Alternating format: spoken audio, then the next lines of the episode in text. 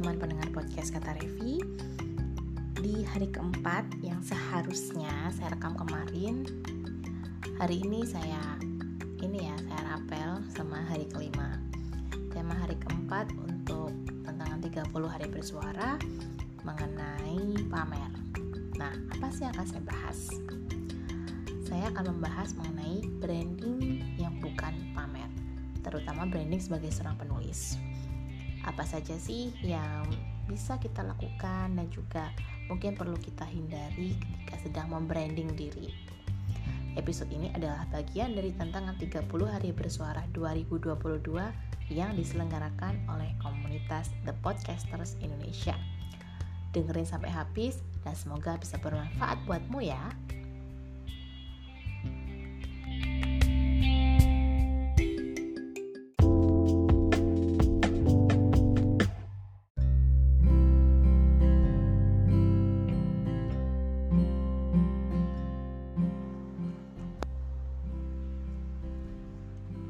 Seringkali saya mendengar ada teman-teman yang sedang belajar di kelas menulis saya dan saya dorong untuk melakukan personal branding. Mereka takut dengan alasan nanti ada yang bilang terlalu pamer atau ada yang takut juga kalau dirinya itu nggak layak untuk bikin personal branding dan alasan segudang lain.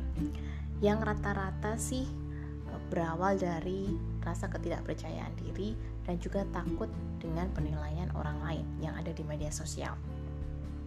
Padahal sebagai seorang penulis ataupun pekerja kreatif lainnya, branding itu sangat krusial, sangat penting.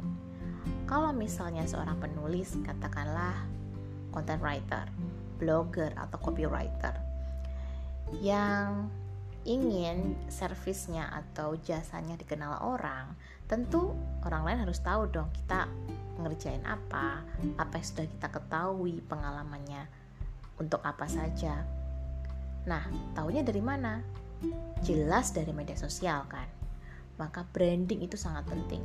Seorang penulis buku sekalipun diminta oleh penerbit supaya membangun personal brandingnya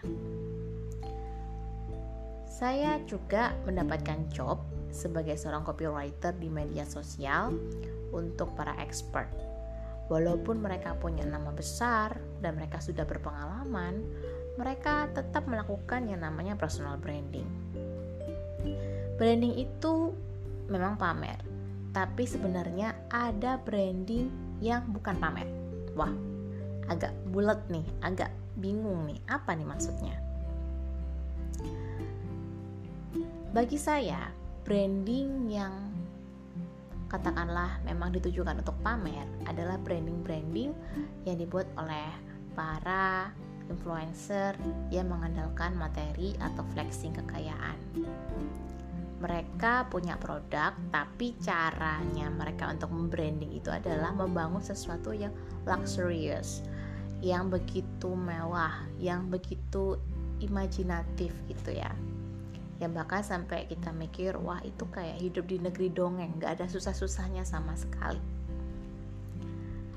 Ya seperti yang kalian lihat para influencer yang akhirnya terjerat masalah dan juga gaya hidupnya selangit itu adalah branding yang pamer dan juga branding yang salah. Apalagi kalau branding itu jadinya fake membuat sebuah persona yang bukan dirinya sama sekali Branding yang benar itu apa sih? Yang ibaratnya pamer tapi pamernya itu bermanfaat. Karena memang tujuannya bukan pamer-pamer yang negatif. Branding yang bukan pamer itu adalah branding yang memang ditujukan untuk memberikan value baik kepada pembaca kalau medianya blog atau lewat Instagram kalau misalnya lewat video ya lewat vlog atau TikTok contohnya jadi branding yang bukan pamer itu adalah branding yang memang ditujukan untuk memberikan inspirasi. Ataupun kalau memang kalian genrenya adalah komikal atau komedi ya menghibur. Tapi tetap ada value yang kalian kasih lewat konten tersebut. Branding yang bagus dan terarah untuk penulis yang pertama pastinya bukan sesuatu yang fake.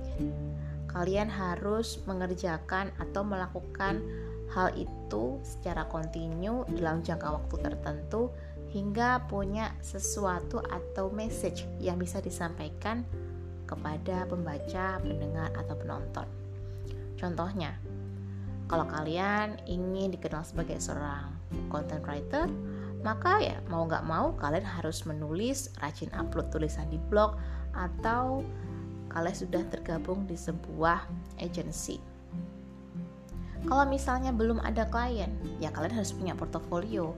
Blog itu adalah cara yang paling penting bagi seorang content writer supaya kemampuannya dipercaya. Lalu sering-seringlah share di media sosial yang kalian pilih. Kemudian yang kedua, branding itu juga harus memang jadi bagian hidup kalian.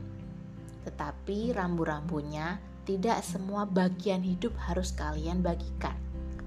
Nah, maksudnya nih, kayak misalnya saya. Saya adalah seorang Japanese interpreter, penulis buku dan juga penulis yang lainnya karena ada copywriter dan content writer. Saya singkat menjadi wordpreneur. Akan sering membagikan konten-konten terkait storytelling, opini, atau soal freelance writer. Bahkan medianya nggak cuma satu. Saya bikin konten di podcast seperti yang kalian dengar di blog kemudian juga uh, lewat Instagram yang lewat visualnya. Kadang-kadang saya juga konten untuk bikin video pendek di Reels. Tema-temanya nggak jauh dari kepenulisan dan itu memang jadi bagian hidup saya karena selain menjadi seorang Japanese interpreter di kantor saya adalah seorang penulis bahkan saya juga sudah menjadi seorang writing coach atau mentor kepenulisan. Jadi ini bukan sesuatu yang fake. Ini bagian hidup saya, secuplik bagiannya. Karena saya nggak akan membagikan kesedihan saya yang berlebihan atau kemudian pilihan-pilihan pribadi saya yang nggak perlu diumumkan di media sosial. Kalian nggak akan tahu itu. Hal-hal tersebut sangat privat dan hanya orang terdekat saja yang tahu, seperti keluarga dan juga sahabat. Jadi kalian harus bisa memilah nih, mana yang memang bagus untuk kalian bagikan dan mana yang memang seharusnya kalian simpan atau share hanya untuk orang-orang bisa dipercaya. Ingatlah bahwa jejak digital itu abadi.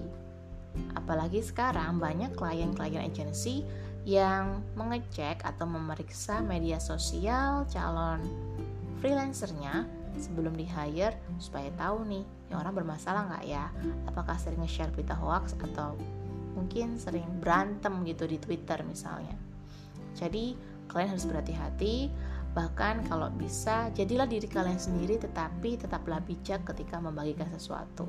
Ini terkait dengan branding. Oke, semoga podcast kali ini bermanfaat. Dan setelah ini kalian bisa langsung mendengarkan podcast hari kelima.